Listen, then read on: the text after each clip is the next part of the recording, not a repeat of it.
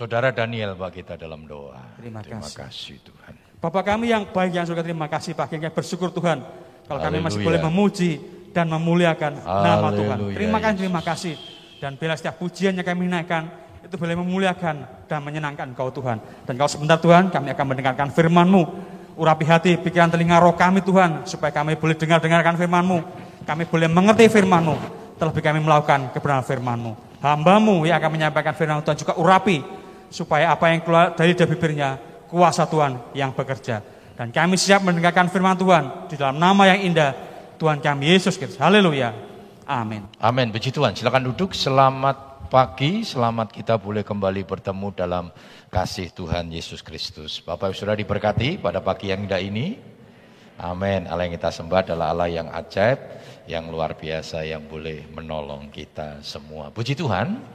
Kita akan bersama-sama menikmati firman Tuhan pada pagi yang indah ini. Tema firman Tuhan, tetaplah berdoa ya, tetaplah berdoa. Mari kita bangkit berdiri bersama-sama. Kita akan baca 1 Tesalonika 5 ayat yang ke-17. 1 Tesalo- Tesalonika 5 ayat yang ke-17 ini adalah ayat yang terpendek dalam versi bahasa Indonesia ya, ayat yang terpendek dalam eh, dalam versi bahasa Indonesia. Dua, tiga, tetaplah berdoa. Amin. Silakan duduk ya. Mayar saudara ya, pendek tetapi sering kali ayat ini menjadi pertanyaan kita, sudahkah kita lakukan dalam kehidupan kita? Kata tetaplah berdoa ini artinya doa yang terus-menerus. Doa yang terus-menerus secara konstan, continue ya. Tetapi bukan menjadi hanya sebuah kebiasaan saja ya. Doa hanya menjadi sebuah kebiasaan saja, tetapi doa ini kenapa terus-menerus? Karena kita perlu seperti makan. Makan ini sebuah kebutuhan Saudara ya. Saudara kan setiap hari makan ya. Tapi kan nggak pernah bosen. Pernah bosen makan? Ya, ya mungkin pernah gini ya, mangan opo, bingung sudah ya, apalagi ibu-ibu sudah ya, ibu-ibu meh masak opo, jangan asem wis, lodeh wis, asem-asem wis, sayur asin wis gitu ya, terus coba bingung sudah ya, bingung meh tanya bapak e, ya suaminya ditanya, mas pengen masak opo, terserah. Itu jawaban yang paling menyakitkan dan menjengkelkan ya, kalau sudah ibu-ibu tanya, mas meh mangan opo, itu sudah kehabisan ide, meh masak opo nek bapak ini terserah wis gorengke ceploke ndok ya saudara ya ceploke ndok. Nanti begitu kita ceploke ndok kok mangan mong ndok tok? katanya. Lapo endi? Nah ya tuh bapak-bapak tuh ya kadang sok angel saudara ya. Ditakoki orang jawab terserah begitu kei ceplokan ndok ora ono sambel cuma dikasih lombok kletus saudara ya. Wah mesti ribut saudara ya. Mesti ribut. Nah, eh, continue terus-menerus itu artinya karena itu sebuah kebutuhan. Kalau kita tidak lakukan, waduh itu bagi kita sesuatu yang berat. Ya, sesuatu yang berat. Karena itu saudara merasa enggak itu kebutuhan. Nah, seperti makan, kalau saudara enggak mau lakukan itu karena sebuah kebutuhan, ya kalau saudara enggak makan mati. Sama.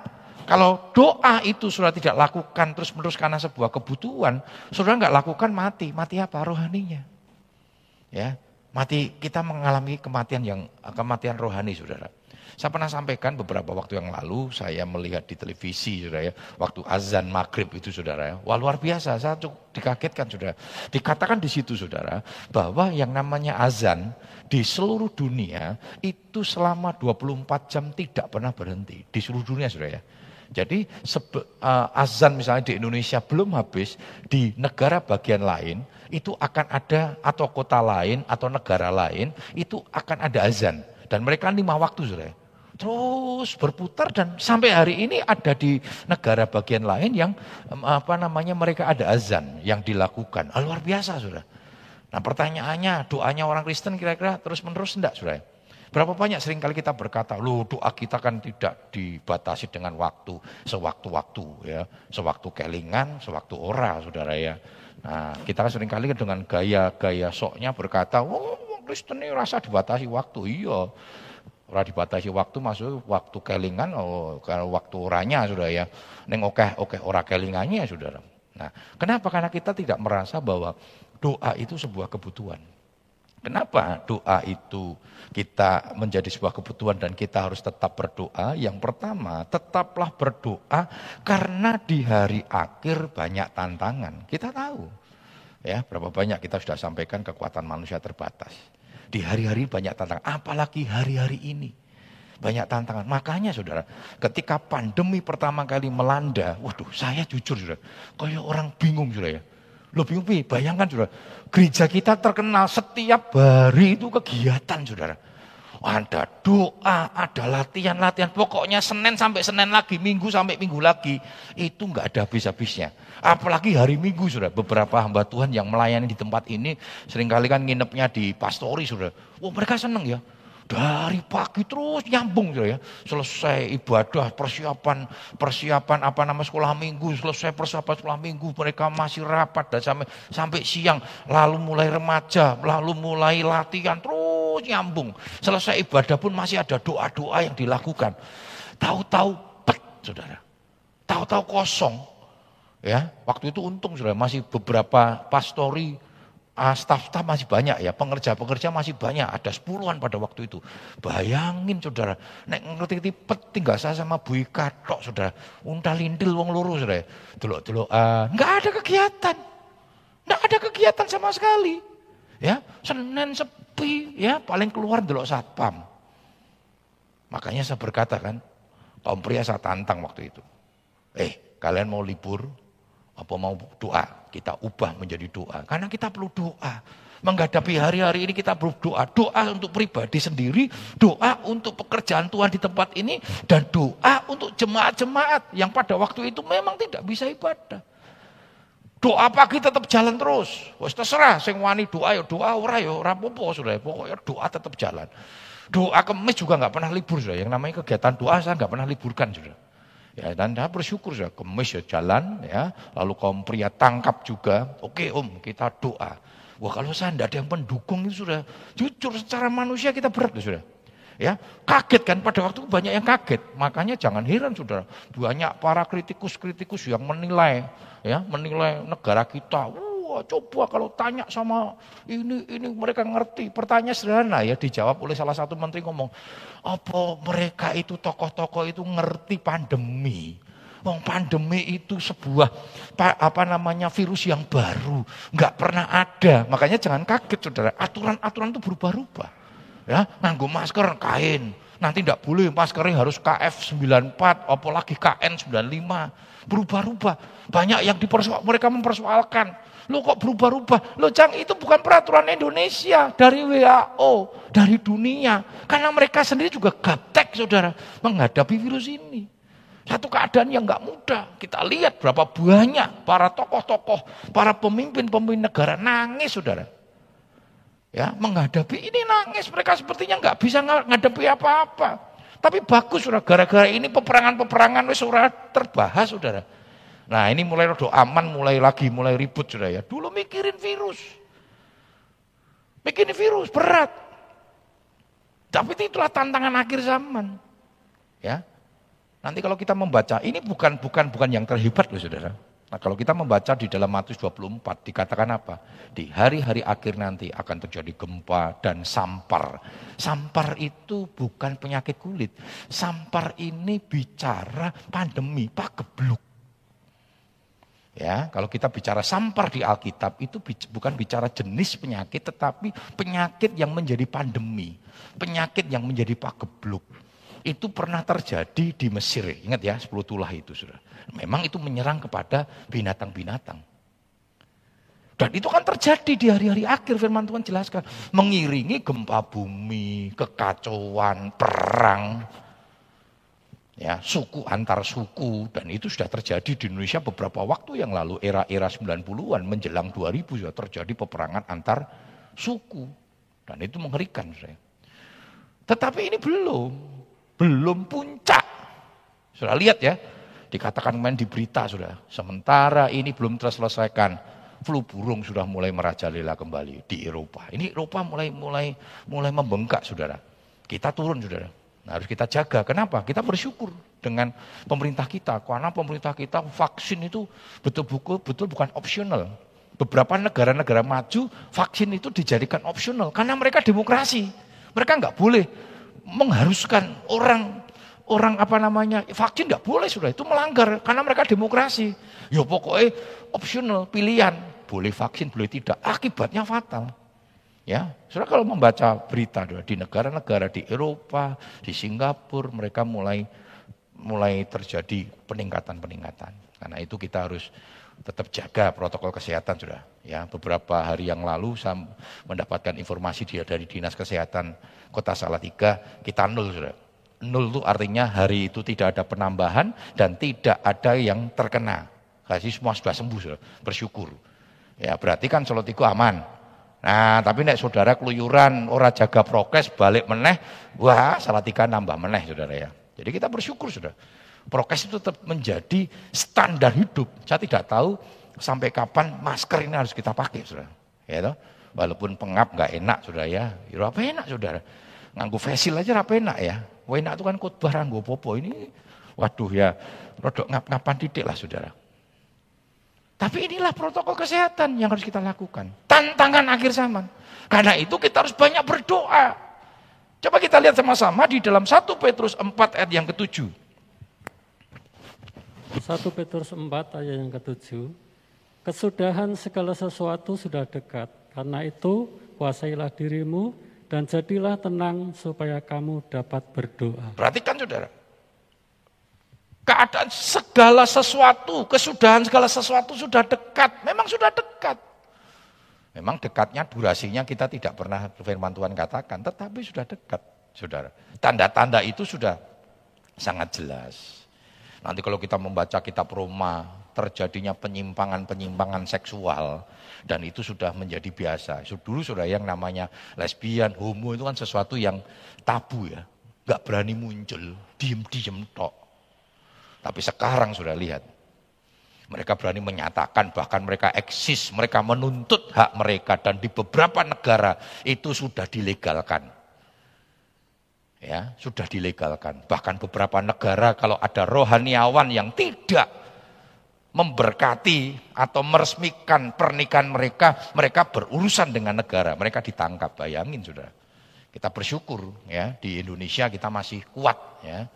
Bahkan yang berbicara keras itu bukan dari kelompok kita, dari kelompok saudara-saudara sepupu kita, Saudara. Mereka malah berbicara keras. Ya, FPI dan sebagainya. Sebenarnya mereka bagus loh Saudara. Cuma mungkin caranya saja Caranya saja, mereka keras menentang-menentang kemaksiatan, menentang-menentang apa namanya, yang namanya penyelewengan-penyelewengan. Mereka keras. Cuma mungkin cara mereka saja. Ya, cara mereka saja. Orang Kristen rawani bersuara. Orang Kristen tidak berani berteriak. Bahkan ada yang menyatakan setuju sebuah lembaga kekristenan di Indonesia yang cukup besar. Pada waktu itu memprihatinkan saudara. Satu lembaga Kristen besar malah berkata itu sebuah gift, itu sebuah anugerah. Anugerah dari mana? Wong Alkitab jelas katakan kok. Itu penyimpangan-penyimpangan akhir zaman dan itu dosa. Alkitab jelas berkata pemburit tidak masuk surga. Kebenaran firman Tuhan itu yang menjadi dasar kita. Ya. Allah menciptakan laki dan perempuan, sudah. Nah, dulu kan ada satu artis di Indonesia yang apa namanya yang uh, homo atau lesbian nyanyi sudah. Tuhan ciptakan laki dan perempuan. Aku di tengah-tengahnya sudah. Tengah-tengah yo wedok yo ora lanang yo ora sudah. Masukkan begitu. Itu kan pembenaran manusia.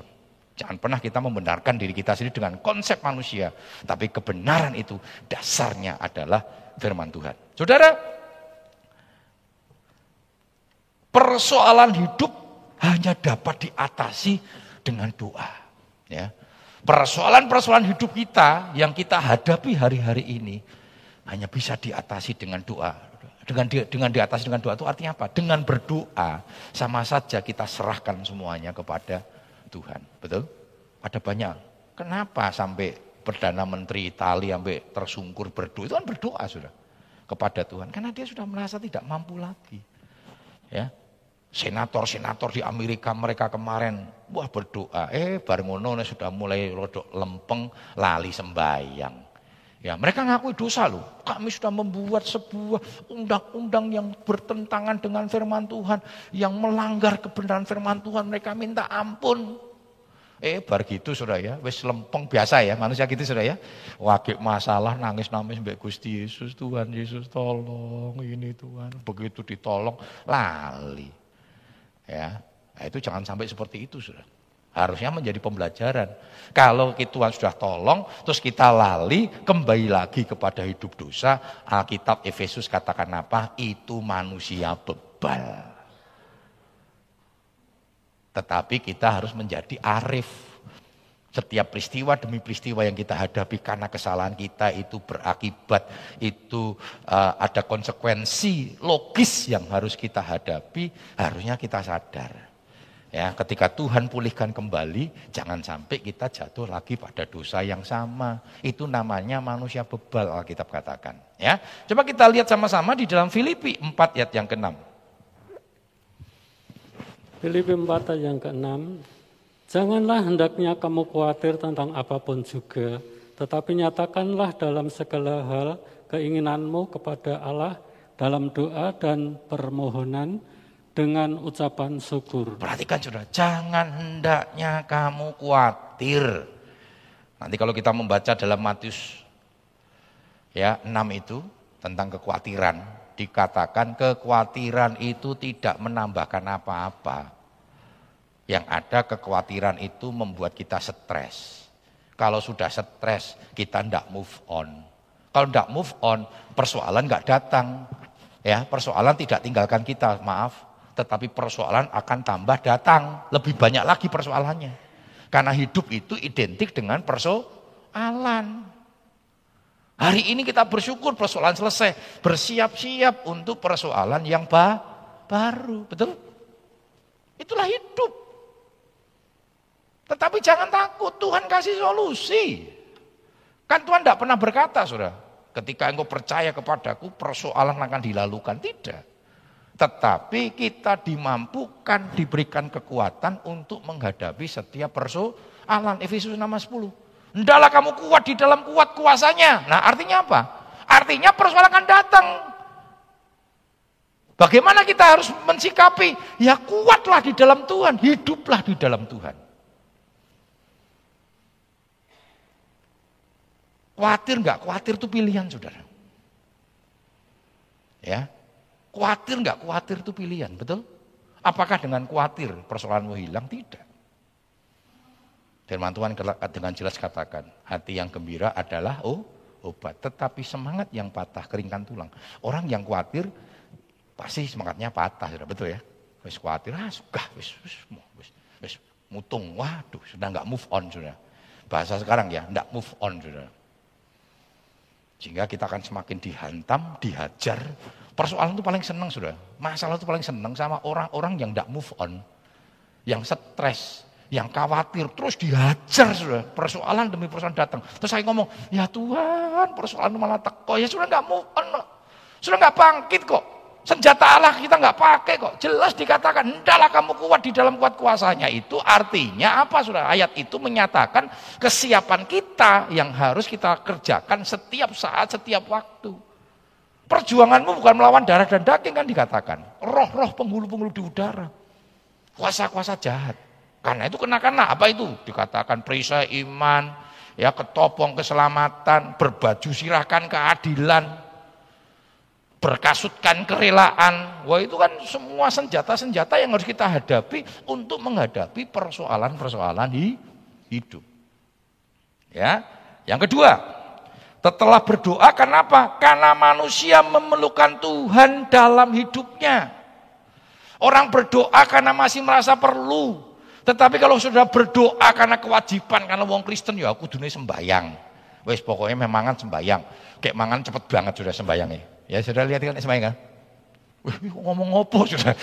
ngomong Tuhan sama makan aja ulung sudah. Terus menaik menaik saudara. Tapi yang nggak usah neng warung makan ibu trias sembahyang penyembahan. Oh, haleluya. Nganggu bahasa roh barang saudara. Wis jam lagi mangan. Lalere wis nemplek kabeh neng kono saudara. Ya. Artinya waktu kita makan berdoa bukan karena kebiasaan. Karena kita bersyukur. Tuhan sudah bisa berikan kepada kita makanan yang menjadi kekuatan dalam hidup kita.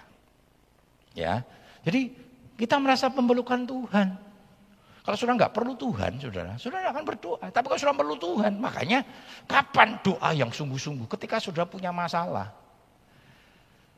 Di doa pagi itu sudah ya, biasanya sudah, wis kan yang datang sudah terabsensi sudah ya.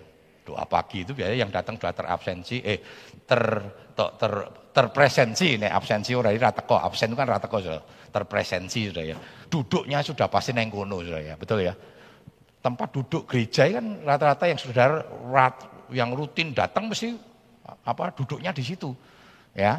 Cuma ini karena pandemi sisian saudara ya, saudara pengen duduk ini tempat posisi saudara ora sisian ya. Pokoknya di mana saudara tidak di kosongnya tempat duduk ya. Biasa tahu neng ngarep karena pandemi ya sudah. Karena terbatas sudah ya terbatas kan gitu saudara. Ya, jadi biasanya tempat duduk kan saudara sudah kontrak ya. Walaupun orang bayar mesti dikontrak, tekan kontrak tempat duduk saudara. Saya lihat kan. Jadi biasanya menggampangkan gembala. Wah, biasanya Pak Iki ora teko ya, sudah kosong ya. Itu kan biasanya dikontrak. Nah, doa pagi sudah begitu sudah biasanya sudah orang tahu teko ngerti judul doa apa? Jiwa baru untuk doa pagi. Begitu duduk dingkluk lalu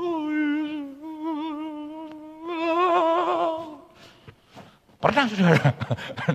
Ada begitu, tak diam nose. Hari kedua, uh, hari ketiga, mes seminggu tak panggil. Ada masalah? Iya, oh iya. Ada masalah atau kau sembayang. Ya. Betul, lu nangis tenanan, sudah ada sembayang. Firman Tuhan barang, si, nangis. Nah, kayaknya kita doakan, kita bimbing. Itu lumayan sudah. Sebulan terus ya, kita dukung terus dalam doa. Oh yuk, terus sembayang. Wah puji Tuhan. Puji Tuhan om persoalannya sudah mulai teratasi. Wah puji Tuhan om persoalannya sudah Tuhan lepaskan. Wah amin. Tekone mulai tiga hari sekali. Ya, hari sekali. Loh kok tiga hari? Iya om kemarin waduh maaf om ketiduran. Waduh. Mulai datang seminggu pisan. Ya, mulai datang sebulan pisan dada meneh begitu wis dada oh haleluya wis oh bebal iki ngono tutuk mbek Gusti Yesus balik meneh uh Wah, saudara. Ya, model-model gitu itu repot, saudara. Karena dia tidak pernah merasa perlu. Kita ini berdoa karena kita perlu Tuhan. Kita harus jaga terus hidup kita. Oke lah, saudara nggak perlu ke gereja, nggak apa-apa. Sembayanglah di rumah. Amin. Apa yang saudara lihat ketika doa Pak Anu bangun pagi? Pasti HP di samping gitu ya. Makanya wis rame ya di WA grup kan iso pang ping pang ping bagus Saudara. Selamat pagi renungan. Jam siji ra iso turu wah buka WA. Bersyukur WA itu menjadi teman kita ya. Wah, bengi tengah malam ra iso turu. Ternyata banyak juga yang ra iso turu Saudara. Ya itu tengah malam banyak rame ya. WA grup saya lihat tuh kadang jam lurus ngupload. Ya enggak apa-apa itu bagus saudara. Nek ngupload firman rapopo. Jangan ngupload-ngupload keguyonan gitu saudara ya. Lucu-lucuan saudara ya. Berikan waktumu untuk berdoa. Sebelum bangun, sebelum kau memulai segala aktivitas, doa dulu. Ya, lipat tangan, berdoa. Ya, menyembah Tuhan, memuji Tuhan dan mempersiapkan hari ini ya sepanjang hari ini apa pun yang kita hadapi apa pun yang kita lakukan kita serahkan sama Tuhan. Itu doa saya setiap pagi saya tutup dengan itu. Tuhan apa pun yang kami hadapi apa pun yang akan kami kerjakan kami mau lakukan kerjakan semuanya untuk memuliakan Tuhan dengan kekuatan Tuhan. Karena kita nggak pernah tahu apa yang terjadi hari ini kan? Kita nggak pernah tahu saudara. Kira-kira bulan September saudara September mungkin tanggal 20-an ya, 20. Pagi-pagi anak saya ngomong gini, eh dia mau renang di muncul, ya di muncul gitu. Satu lama nggak renang sudah, bagi masa pandemi kan nggak pernah renang ya. Dulu saya cukup rajin renang di mana namanya di karena member di Wahid sudah ya. Terus saya ngomong gini sama istri saya, yuk melu yuk saya bilang. Saya udah lama sekali nggak renang ya. Jadi di, di muncul juga nggak sering sih. Saya berapa kali terus lama sekali nggak renang ya. Ya sudah, Dio sama teman-temannya ya sudah diantar papi.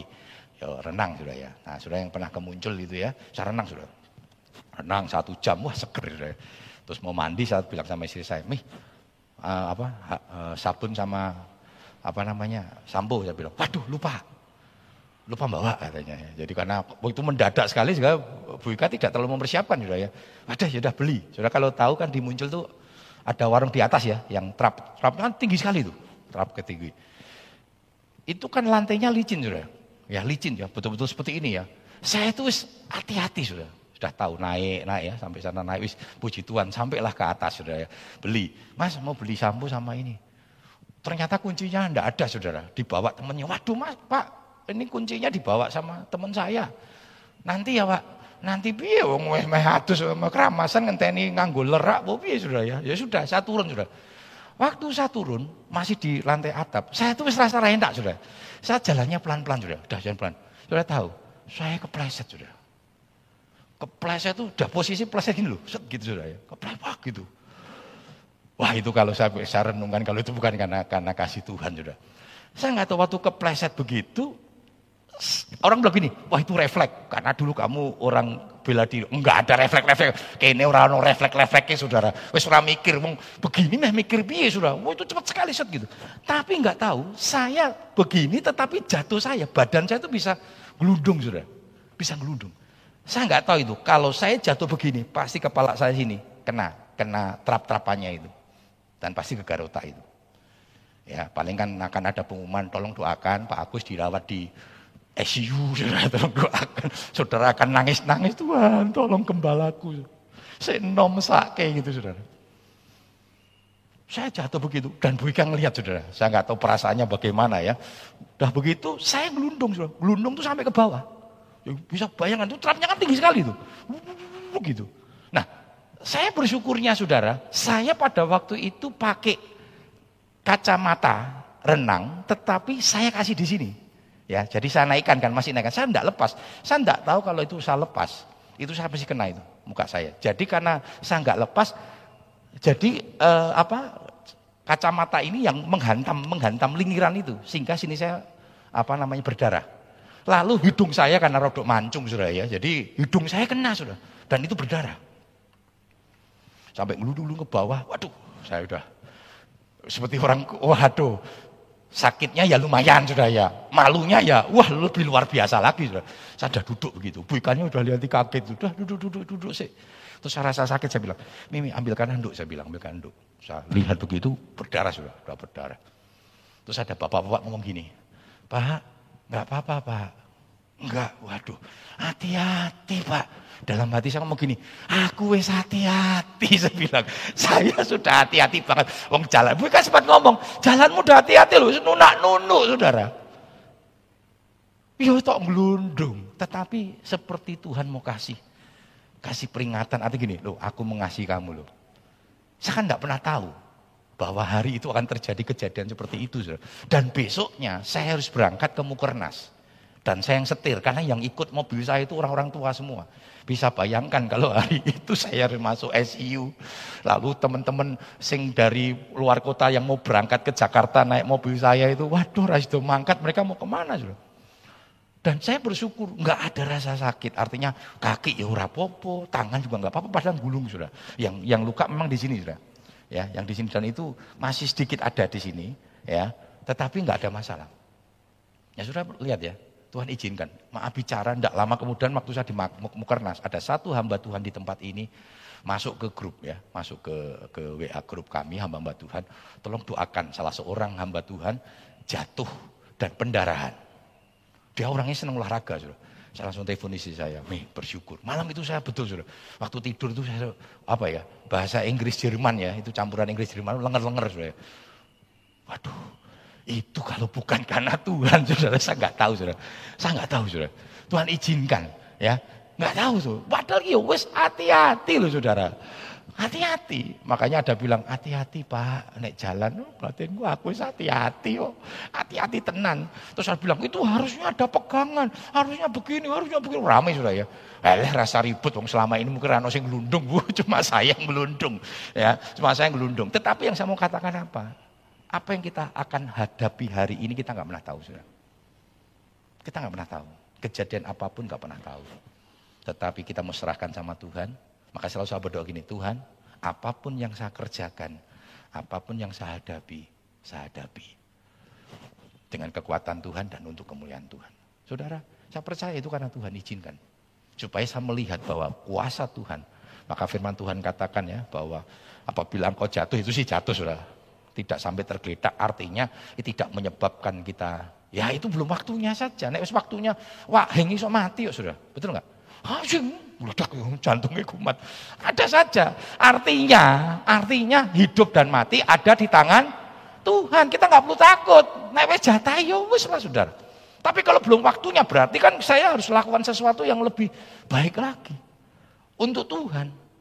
Berarti ini kesempatan. Hidup itu adalah kesempatan. Ya.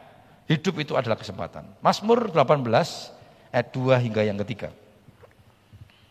Mazmur 18 ayat 2 dan 3. Ia berkata, Aku mengasihi Engkau, ya Tuhan, kekuatanku, ya Tuhan, bukit batuku, kubu pertahananku dan penyelamatku, Allahku, gunung batuku, tempat aku berlindung, perisaiku, tanduk keselamatanku, kota bentengku. Iya, sudah luar biasa nih ya. Inilah kita memerlukan Tuhan dikatakan dia kubu pertahananku, penyelamatku, gunung batuku, tempat berlindung, perisaiku, tanduk, keselamatanku, kota bentengku. Luar biasa.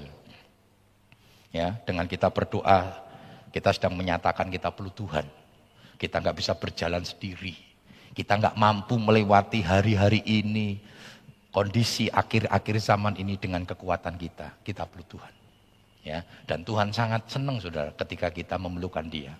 Ya, yang ketiga tetaplah berdoa karena dengan berdoa kita sama saja mengandalkan Tuhan. Coba kita lihat Mazmur 91 ayat 14 hingga yang ke-16. Mazmur 91 ayat yang ke-14 sampai 16. Sungguh hatiku melekat kepadaku, maka aku akan meluputkannya. Aku akan meninggi, membentuknya, sebab ia mengenal namaku. Bila ia berseru kepadaku, aku akan menjawab. Aku akan menyertai dia dalam kesesakan. Aku akan meluputkannya dan memuliakannya. Dengan panjang umur akan ku kenyangkan dia dan aku berli, aku akan mempermuliak akan memperlihatkan kepadanya selamat keselamatan daripadaku. Iya, berarti kan saudara. Ini orang-orang yang betul mengandalkan Tuhan. Dikatakan tadi kita percaya kenapa kita berdoa karena kita percaya bahwa Tuhan kekuatannya itu dahsyat ya dia begitu berserah kepada Tuhan dia betul-betul hanya mengandalkan kekuatan Tuhan dalam hidupnya saya pikir dan percaya kita semua masih punya persoalan betul punya masalah yang berat bahkan sampai pada satu titik kita nggak bisa berbuat apa-apa Tuhan izinkan kita berada dalam kondisi satu titik di mana kita tidak mampu lagi berbuat apa-apa. Di titik itulah, seperti firman Tuhan minggu yang lalu ya. Ketika kita sudah lemah, sudah nggak berdaya.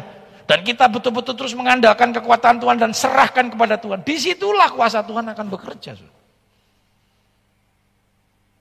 Jadi ketika kita dalam titik-titik seperti itu, tidak usah takut sudah. Daud katakan, sekalipun aku dalam lembah kekelaman. Berapa banyak kita diizinkan Tuhan ada dalam lembah kekelaman? Dalam kita menghadapi hari-hari ini. Lembah kekelaman secara ekonomi, lembah kekelaman dalam konteks pekerjaan, dalam berbagai macam persoalan hidup. Tapi Daud percaya, dia berkata, aku tidak takut bahaya, sebab gadamu dan tongkatmu itulah yang menyertai aku. Kenapa? Mazmur pasal pertama itu jawabannya, saudara.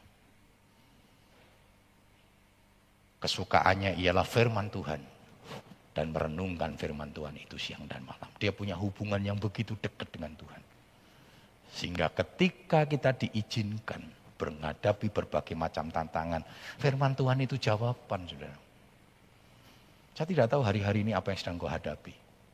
Ada firman Tuhan yang boleh menjadi harap jawaban dalam setiap kehidupan kita. Saudara, Yesus adalah jawaban bagi setiap persoalan hidupmu.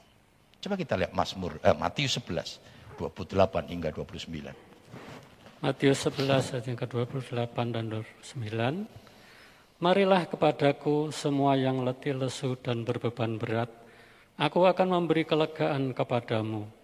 Pikulah kuk yang kupasang dan belajarlah padaku karena aku lemah lembut dan rendah hati dan jiwamu akan mendapat ketenangan. Luar biasa saudara.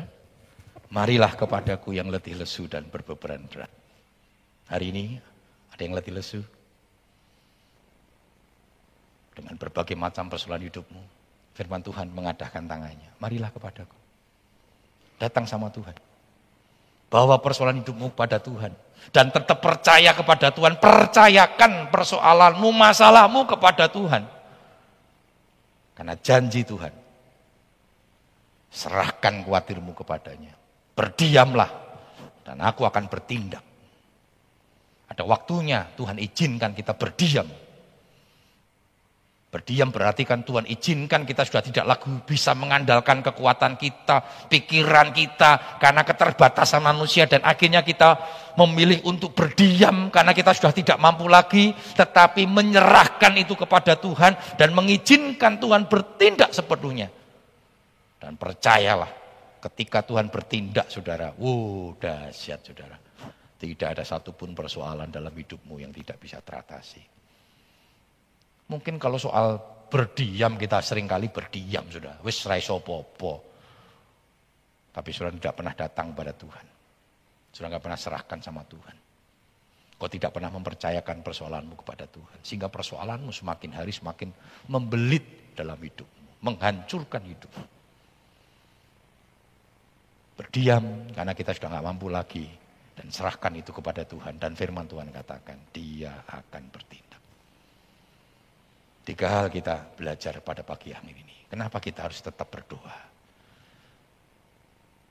Ya, karena peperangan akhir zaman di hari-hari ini membutuhkan kekuatan Tuhan. Dengan kita berdoa sama saja, kita masih percaya, kita masih yakin, dan seharusnya kita percaya dan yakin karena nggak ada kekuatan lain. Ada satu kekuatan yang luar biasa tidak terbatas, yang selalu memproteksi hidup kita. Yang kedua, karena kita memerlukan Tuhan. Jangan merasa hebat. Kita tak perlu Tuhan. Alkitab katakan terkutuk. Dan yang ketiga, kita selalu mengandalkan kekuatan Tuhan. Karena kekuatan kita terbatas, kekuatan Tuhan tidak terbatas. Saudara, jadikanlah doa itu menjadi kebutuhanmu kepada Tuhan. Dan memang kita perlu dan kita butuh Tuhan dalam menghadapi hari-hari. Saat ku tak mengerti rencanamu, memang sering kali kita tidak bisa memahami. Pengkhotbah tiga katakan, kita tidak dapat menyelami apa yang dikerjakan Allah dari awal sampai akhir. Tapi percayalah, setiap proses demi proses, ketika kita serahkan hidup kita kepada Tuhan, kita hidup dalam jalan Tuhan, maka proses itu sedang menuju kepada satu titik. Walaupun proses itu tidak mengenakan, saudara. Tapi proses sedang membawa kepada satu titik. Titik itu namanya keindahan, saudara. Saudari Rian, Pak kita dalam doa. Bapak yang baik kami bersyukur Tuhan, kalau pagi hari ini Tuhan Yesus, kami sudah mendengarkan akan firman-Mu. Bapak yang baik dalam kehidupan kami, kami benar-benar memerlukan Engkau Tuhan. Itu sebabnya Tuhan ajari kami semuanya di iya, tempat ini pagi hari ini Tuhan. Ya, Untuk terus percaya dan terus berdoa. Amen. Dalam menghadapi apa pun. Kami terus Amen. mengandalkan Tuhan di dalam kehidupan kami. Ya, Karena Engkau Tuhan yang begitu baik dan luar biasa Amen. dalam kehidupan kami. Dan Engkau Tuhan yang tidak pernah Haleluya. meninggalkan kehidupan kami. Haleluya. Bahwa kami Tuhan jemaatmu di tempat ini dan kami semua yang hadir pagi hari ini Tuhan. Ya, Tuhan. Untuk terus berdoa dan terus meninggikan akan Engkau ya, Tuhan. Ya, Terima kasih Tuhan Terima. Yesus. Kami menyerahkan hambamu yang sudah menyampaikan akan firmanmu. Kiranya Tuhan pakai terus hidupnya. Amin. Biarlah hidupnya jadi hormat dan kemuliaan nama. bagi nama Tuhan. nama. Terpujilah namamu Tuhan. Haleluya. Kami mengucap syukur untuk firman-Mu pagi hari ini. Hanya di dalam nama Alam Tuhan nama. kami Yesus Kristus, kami sudah berdoa dan mengucap syukur. Haleluya. Amin. Amin.